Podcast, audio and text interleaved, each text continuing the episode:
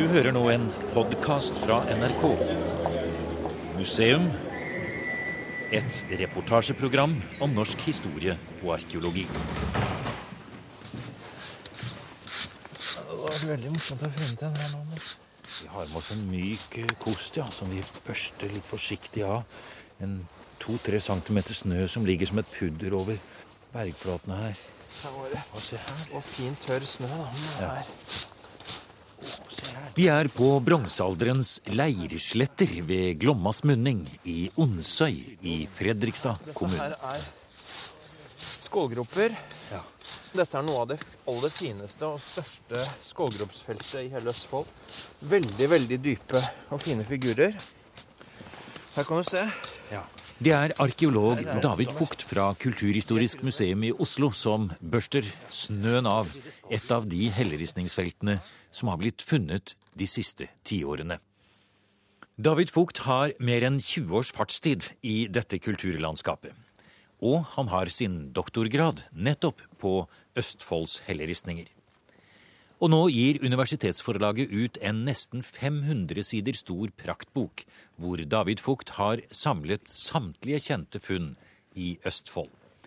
Han presenterer også nye forslag til hvordan den 2500 år gamle bergkunsten kan forstås. De gamle teoriene eh, sa at eh, helleristninger de var mellom Gjøta elv i sør og opp til Glommas deltaer her i Østfold. Og det var, det var eh, mange som hevdet det eh, rundt omkring, både på universiteter og allting. Det var en slags teori. Men eh, så dukket da, i 1976 så dukket det da opp denne første helleristningen i Onsøy, og, og etter hvert så ble det jo funnet mer og mer. Men altså, vi må kanskje bare ta en sånn faktaramme, som det heter så fint. Altså, det fins jo helleristninger mange steder i Norge. Men det er slik at de er konsentrert i veldig stort antall. Egentlig på bare noen få steder. Det vi har i Østfold, det er bare den nordlige delen av et stort sammenhengende helleristningsområde som strekker seg gjennom Bohuslän og opp hit til Østfold. Totalt så er det ca.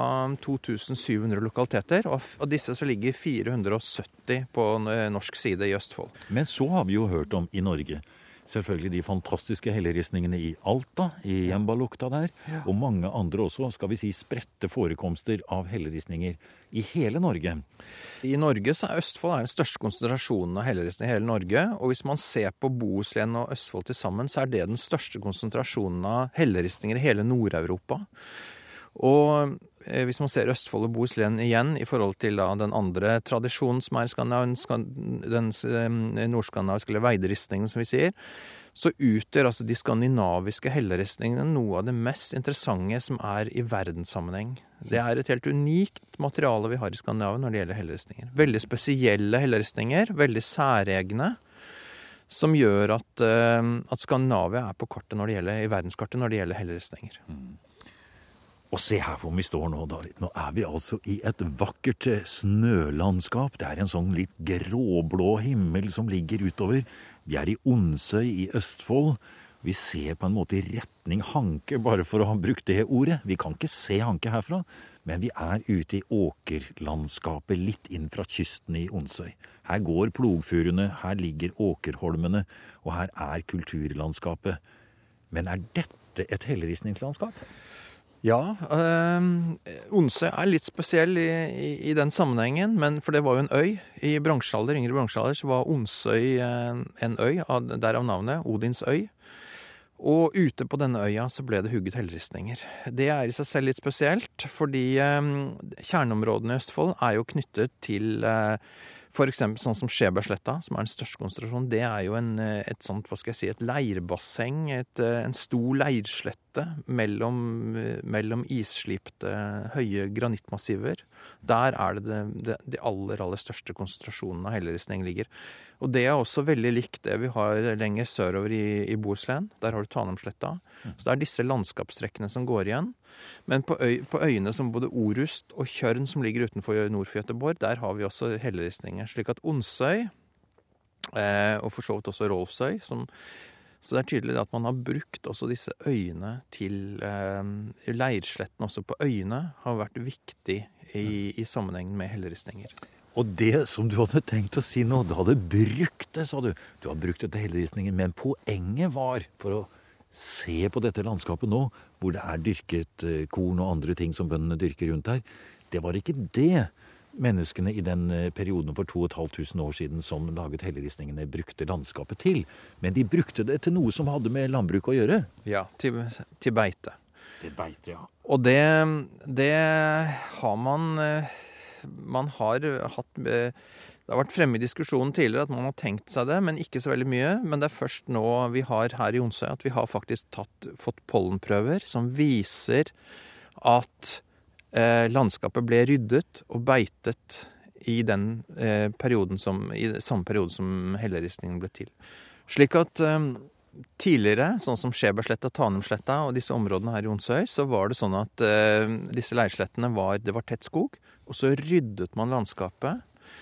Man, sannsynligvis ringbarket man trærne så de døde, så det kom lys til skogbunnen. Et lysåpent landskap kombinert med, med beite. Det gjorde at landskapet åpnet seg opp og ble store gressletter. Og i dette området så får man altså et helt spesielt fenomen. Man får et stort og intensivt beite i, et, i veldig store landskapsområder. Og i samme tid så er det helleristningene kommer. Altså i tusenvis, tusener på tusener på tusener, så blir helleristningene hugget i dette samme landskapet. Og det er jo ganske utrolig når man leser den nye boka di om helleristningene her i Østfold, at du forteller også litt om selve funnhistorien. Altså fra 1870-årene og frem til 1970-årene og 2000-tallet. Det er jo faktisk slik, som du skriver i din bok, at man hvis man har analysert området og går inn for det, så lar det seg gjøre å finne en mengde nye helleristninger. Hvor, hvor mange var det dere fant? Var det bare på tre dager? Ja, her i Onsøy så det var kjent, eh, det var kjent litt over 40 lokaliteter. og Så brukte vi tre arbeidsdager. Da hadde vi med en del forskjellige arkeologer, noen svenske arkeologer som har veldig mye erfaring med å finne helleristninger. Da doblet vi antallet på tre arbeidsdager. Så det forteller noe om potensialet her i Østfold. At eh, vi sannsynligvis bare har halvparten omtrent av det som er funnet. Mm. Så i dag så har vi 470 lokaliteter, og med et nøkternt overslag så tror jeg det godt kan dobles. Og det som er uh, veldig interessant med disse helleristningene, det er jo det at de, de som har funnet mye helleristninger her, sånn som Martin i gamlelaget, Martin Arnesen, som holdt på på 1860-tallet, eller senere f.eks. Erling Johansen, som også fant mange. De, de, klarte på en måte å skjønne den grammatikken der helleristningen ligger, for de har en skjult grammatikk. Og hvis man følger den grammatikken, så er det mye lettere å finne de. Det ser vi akkurat sånn som vi er her nå. De ligger akkurat på, på bergplater som er akkurat i overgangen til disse store leirslettene. Der ligger de, og hvis man systematisk går og, og, leter i disse områdene, og særlig ser da i vannsigene, som er så typisk, og på gode bergplater, og man har blikket for dette, så finner man eh, nye. Og hvor lett eller vanskelig det er å finne nye helleristninger. Det skal vi teste litt senere i programmet. Vi klatrer over gjerdet her. Det var ikke strøm i gjerdet, nei. Det har fått strøm og mye kviger etter meg. Men først følger vi med arkeolog David Fugt videre ut i dette østfoldske bronsealderlandskapet for å børste fram noen av de allerede kjente helleristningene. Det er noen, eh, vi går, vi går ute i åkeren her nå, og her er det litt mer snø, ja. Og vi kommer frem mot en, eh, ja, en, en liten bergrabb da, som stikker opp her. Ja, skal vi se, Disse er ikke så lette å finne, de her. Men her er det altså to Her er det to skipsfigurer. Aha. Og, ja, for det er jo mose over her. Ja, her er det litt mose. Men her kan vi se, her er det her Se her, vi får lete litt, da. Ja, her ser du Her er Å, se der er det et spor, ja. ja. Og når du da påviser det og peker, så ser jeg det plutselig. Ja. Er det litt av hemmeligheten, David? Altså at det plutselig kommer frem fra fjellet når vannet renner over, når solen lyser på en bestemt måte? Det tror jeg er en veldig god måte å se det på, fordi at det kan også ha vært noe av mystikken den gangen det ble hugget. At de var nesten usynlige, og så plutselig så kom det litt vann, eller kom lyset kom fra en spesiell måte, og så plutselig flashet de frem. Man fikk se det. Det kan også ha vært gitt i en slags spesiell aura allerede den gangen de var hugget og, og ble brukt. Men det kan også tenkes at den gangen de var nyhugget, så fremsto de mye tydeligere, for da Ja, Da var de hugget- lyse. Ja, da var de hugget ned i den lyse granitten. Og berget var jo den, den gang som nå lavkledt og, og sånn, og da, da ble det en kontrast. Og den kontrasten kan ha, ha gjort at de var mye, mye mer tydelige. Men dette var altså utrolig interessant å stå her langs en mosekledd liten bergås, en liten tre-fire meter høy bergskjær her som går gjennom åkerlandskapet. Helt usynlig inne i mose, mosene her så, så ligger det et skip, altså. Ja, og Det ligger flere kanskje også? Det, det, ligger flere skip, og det er en dobbeltspiral som ligger under snøen her sånn, og under mosen. Men du kan jo tenke deg denne fine, markerte bergryggen, som, som er som et sånt Den er nesten som et sånt eh, Ja, som et utstillingsvindu, eller eh, man, Som et galleri, som en vegg. Man ser det rett ut i landskapet. Den henvender seg rett ut i dette her åpne landskapet, åpne landskapsrommet som vi ser her sånn. Nei, det er det som er så spesielt med helleristningen her i Østfold og Boslen, at man har da disse enorme mengdene av skipsfigurer. Og veldig ofte så er det sånn som vi ser her, at disse skipene er bemannet. At vi kan se mennesker om bord i, i disse skipene. De er veldig karakteristiske, disse skipene, med disse høye stevnene og, og disse mannskapstrekkene. Det som er interessant, er at uh, hvis vi sammenligner med den såkalte Hjortspringbåten fra Danmark, som ble funnet på 1920-tallet, den har de laget en rekonstruksjon av nå. I, I Danmark så blir dette beskrevet ikke som et skip, men mer som en krigskano. Og Hjortsprengbåten det var en, en båt som var sydd sammen av, av, store eikebord. Og den kunne ta et mannskap på mm, 24 som brodde, og en trommeslager og en styrmann. styrmann. Og man kan jo tenke seg da en krigskano med, med et mannskap på, på, på 26 stykker. Og når man da har en, en flåte, da, men kanskje en 10-12 skip, som det ikke er uvanlig å se på helleristningene, så kan man tenke det var en formidabel hærstyrke som kunne bevege seg gjennom disse trange sundene, inn rundt øyene, innover i, i Østfolds skjærgård og trenge langt innover i disse områdene i landet. Og der er vi jo midt i din eh, forklaring, eh, David. Du har jo både i din doktorgrad og i tidligere arbeider og i hele din måte å tenke rundt etterpå, så har du en oppfatning av disse skipene. Du tolker det, du forstår det inn i en sammenheng. Og det du ser her, det er et ekte skip. Du ser et faktisk transportmiddel, og da snakker vi ikke om religion og himmelskipet og reisen til dødsriket og sånne ting, men da snakker man faktisk om å utruste en hær. Ja. For det som er veldig spesielt hvis vi ser på beliggenheten til alle helleristningene her i Østfold og også i Boslen, det er at de er knyttet til disse store eh, leirslettene. Og det var her beitedyrene gikk de store områdene. Her gikk beitedyrene. Her var det kapitalen som gikk og beitet. Og man hadde lagt enorm arbeidskraft i både å rydde landskapet, men også hugge helleristningene, slik at dette hadde enormt stor verdi. Og det er kontrollen av disse områdene som er interessant da. For det, hvis vi ser også litt på helleristningsmotivene, det er skipene. Det er veldig mye krigere som står med våpen. Vi kjenner igjen våpen, vi kjenner igjen skjoldene. De hadde horn i hjelmene, de hadde leggskinner. Og vi ser også disse stridsvognene som var så karakteristisk for den perioden. Så kjenner vi igjen også. Men så har vi også en god del universalsymboler, sånn som, sånn som eh, sirkelfigurer, eh, fotsåler, eh, håndflater, sånne ting som vi finner i veldig mange sammenhenger. Pluss da skålgropene, som, som er veldig vanskelig å, å, mene noe. Så, så at eh, det, det kan selvfølgelig være noen av disse figurene som har et mer sånn mytologisk tilsnitt. Det er det stor sannsynlighet for. Men, men det dominerende inntrykket, det er i hvert fall at det er på en måte de militære hjelpemidlene som på en eller annen måte er avbildet så, så tydelig. Og så sier du, når vi da skal forstå helleristningene ut fra et sånt perspektiv, at det er militærkraften vi ser her, så må den ha kommet på et tidspunkt da det er veldig stort behov for det. Og det har du altså koblet sammen med beitelandskapet, kjøttproduksjonen i dette bronsealderlandskapet. Men eh, så må vi gå et skritt videre. Når var det dette skjedde, og hvordan kan man datere disse forskjellige tingene? Ble de laget over en eh, ganske kort periode da, kanskje? Ja, man har jo alltid trodd det at helleristningene har tilkommet over en veldig veldig lang periode gjennom hele bronsealderen. En, en, en slags sånn suksessiv eh, til, tilkomst.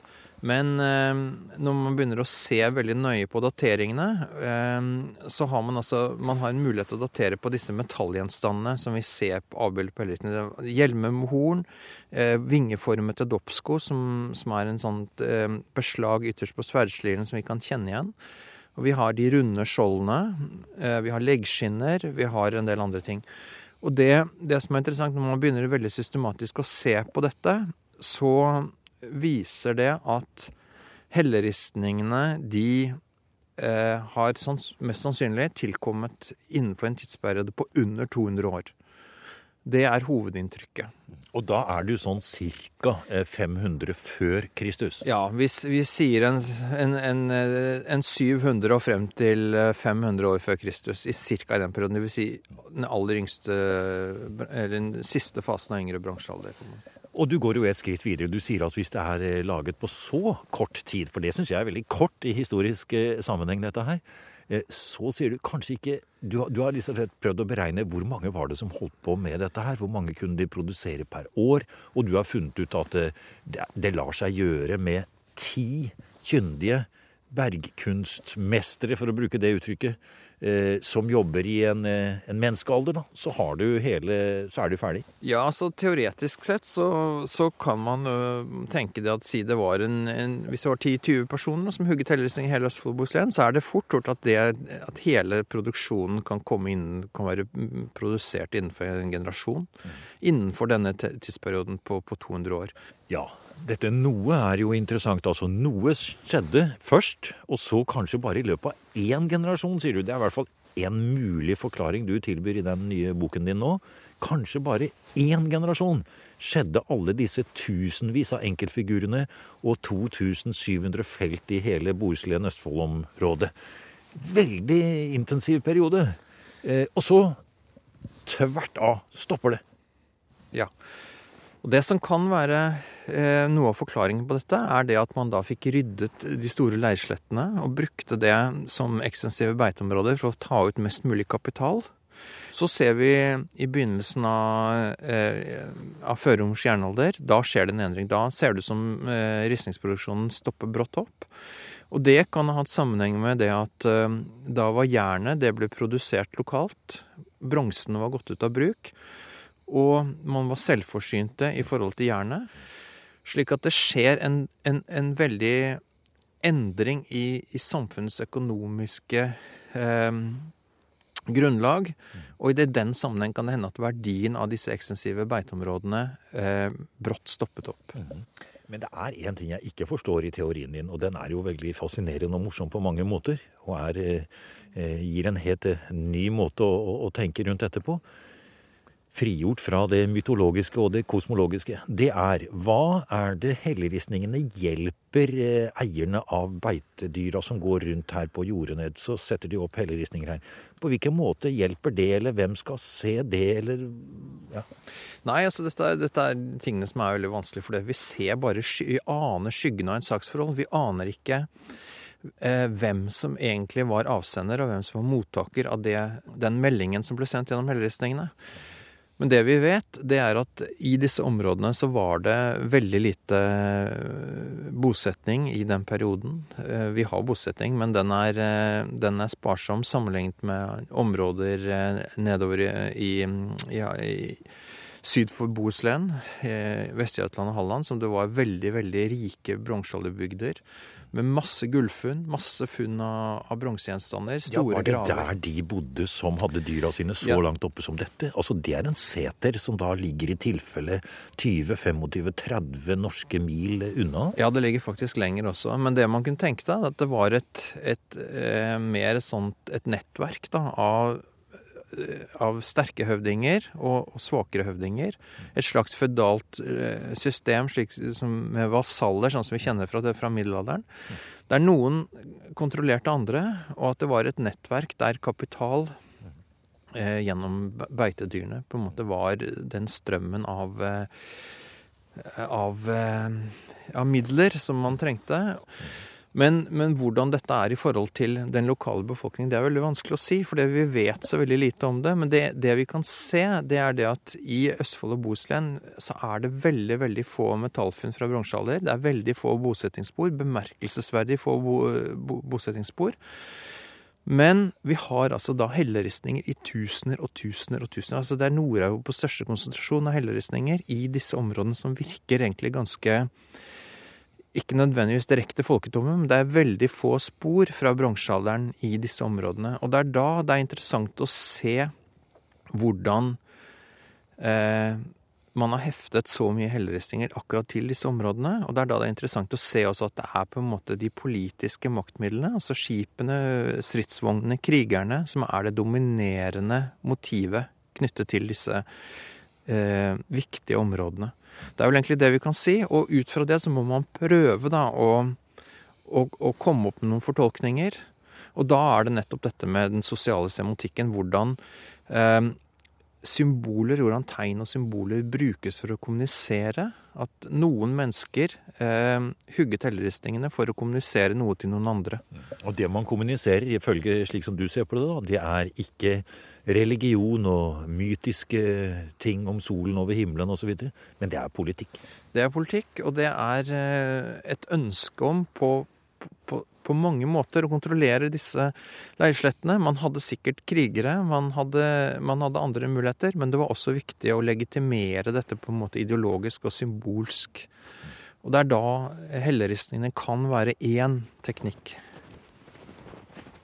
Vi går litt langs den eh, mosekledde helleristnings bergkunstveggen som vi går langs her nå. Vi kikker litt sånn uh, interessert bort her for å se om det er helt tatt noe vi kan se mer. Men du har jo undersøkt hele her. Er det flere langs denne veggen? Uh, ikke som er kjent. Nei. Men uh, det Det betyr ikke noe for Det betyr ingenting. For det at bare man ser godt, og, og plutselig så kan det dukke opp mer. Og det har jo vist gang på gang på gang at eh, er man ute og, og har øynene med seg, så plutselig så finner man en figur til, eller en hel lokalitet. Men vi ser en annen flate her. Vi er blitt skikkelig sånn på jakt, vi nå. Vi går bort der òg. Husk på, det er jo ikke mer enn 20-30 eh, år siden ingen visste om noen helleristninger her. Og nå er det masse rundt i området her som er oppdaget. Ja, det... Men det er veldig rart, dette med helleristninger, for det er de er overalt og ingen steder på en gang, som Erling Johansen pleide å si. Ja. Ellers er det jo det som er det sikreste, det er jo å gå ut når det er på kvelden når det er mørkt. Ja, og så ta en lyskaster. Ha hodelys, ja. ja og så, men så tar man lyskasteren liksom og sender på skrå. Ja. Nettopp. Og da trer figurene frem på en helt spesiell måte. Det er nesten akkurat som de skulle kommet opp av fjellet. Det ser man jo på bilder som er tatt av det du forteller om nå. Ja. Så da det skjer en, rart, en rar effekt. Ja, Du har en god del av de bildene der i den nye boka di. Ja. Det er ganske fascinerende å se disse nattbildene. Ja, for det folk tror jo Folk tror at de er helleristning er rød. At de, er rød, at de har vært rødmalte bestandig. Men det er jo bare noen ganske få som er malt eh, med rød låvemaling for at man skal kunne se dem. Ja, Du bruker jo kritt du for å tegne dem opp og sånn.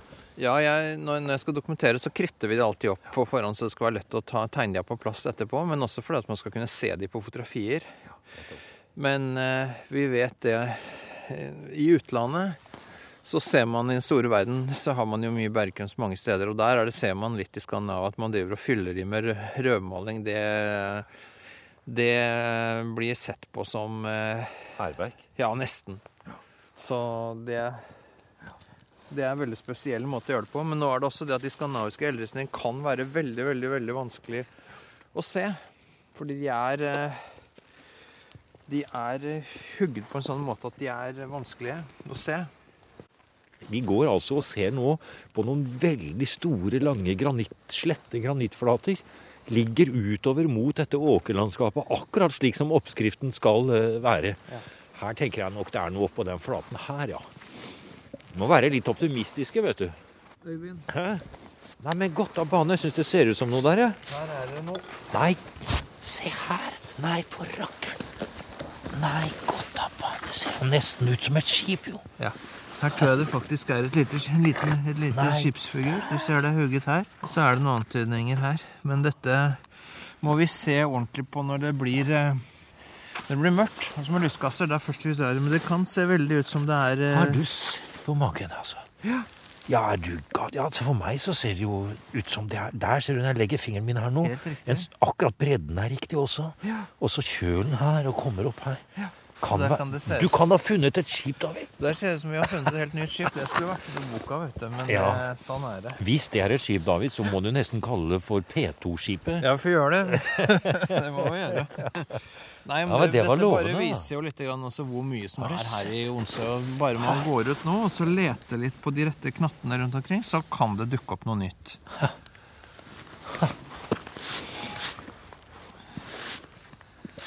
Skal vi se. Altså Herfra så ser det jo nesten bare enda bedre ut, altså. Ja. Det kan se, kan se ut som det der er noe, altså. Men nå er det veldig vanskelig lys å se det ordentlig. Men uh... Ja, det er klart det man må gjøre her, er jo lyse over hele flaten og ja, da kan det komme tegne det opp ordentlig. Ja, det er det. Og de som er virkelig flinke til å finne, de gir seg ikke. De på en måte leter og leter og leter, og så, og så vet de akkurat hva de skal se etter. Når de først finner det ene lille tegnet på at det er noe, så kommer det gjerne noe mer. Men det var fryktelig morsomt, det der, altså. Det må jeg si. Ja. Helt utrolig. Nei, så jeg må nok tilbake Ja, hit, da. må du tilbake, og så må du dokumentere P2-skipet. Jeg må gjøre det. Du har hørt en podkast fra NRK P2.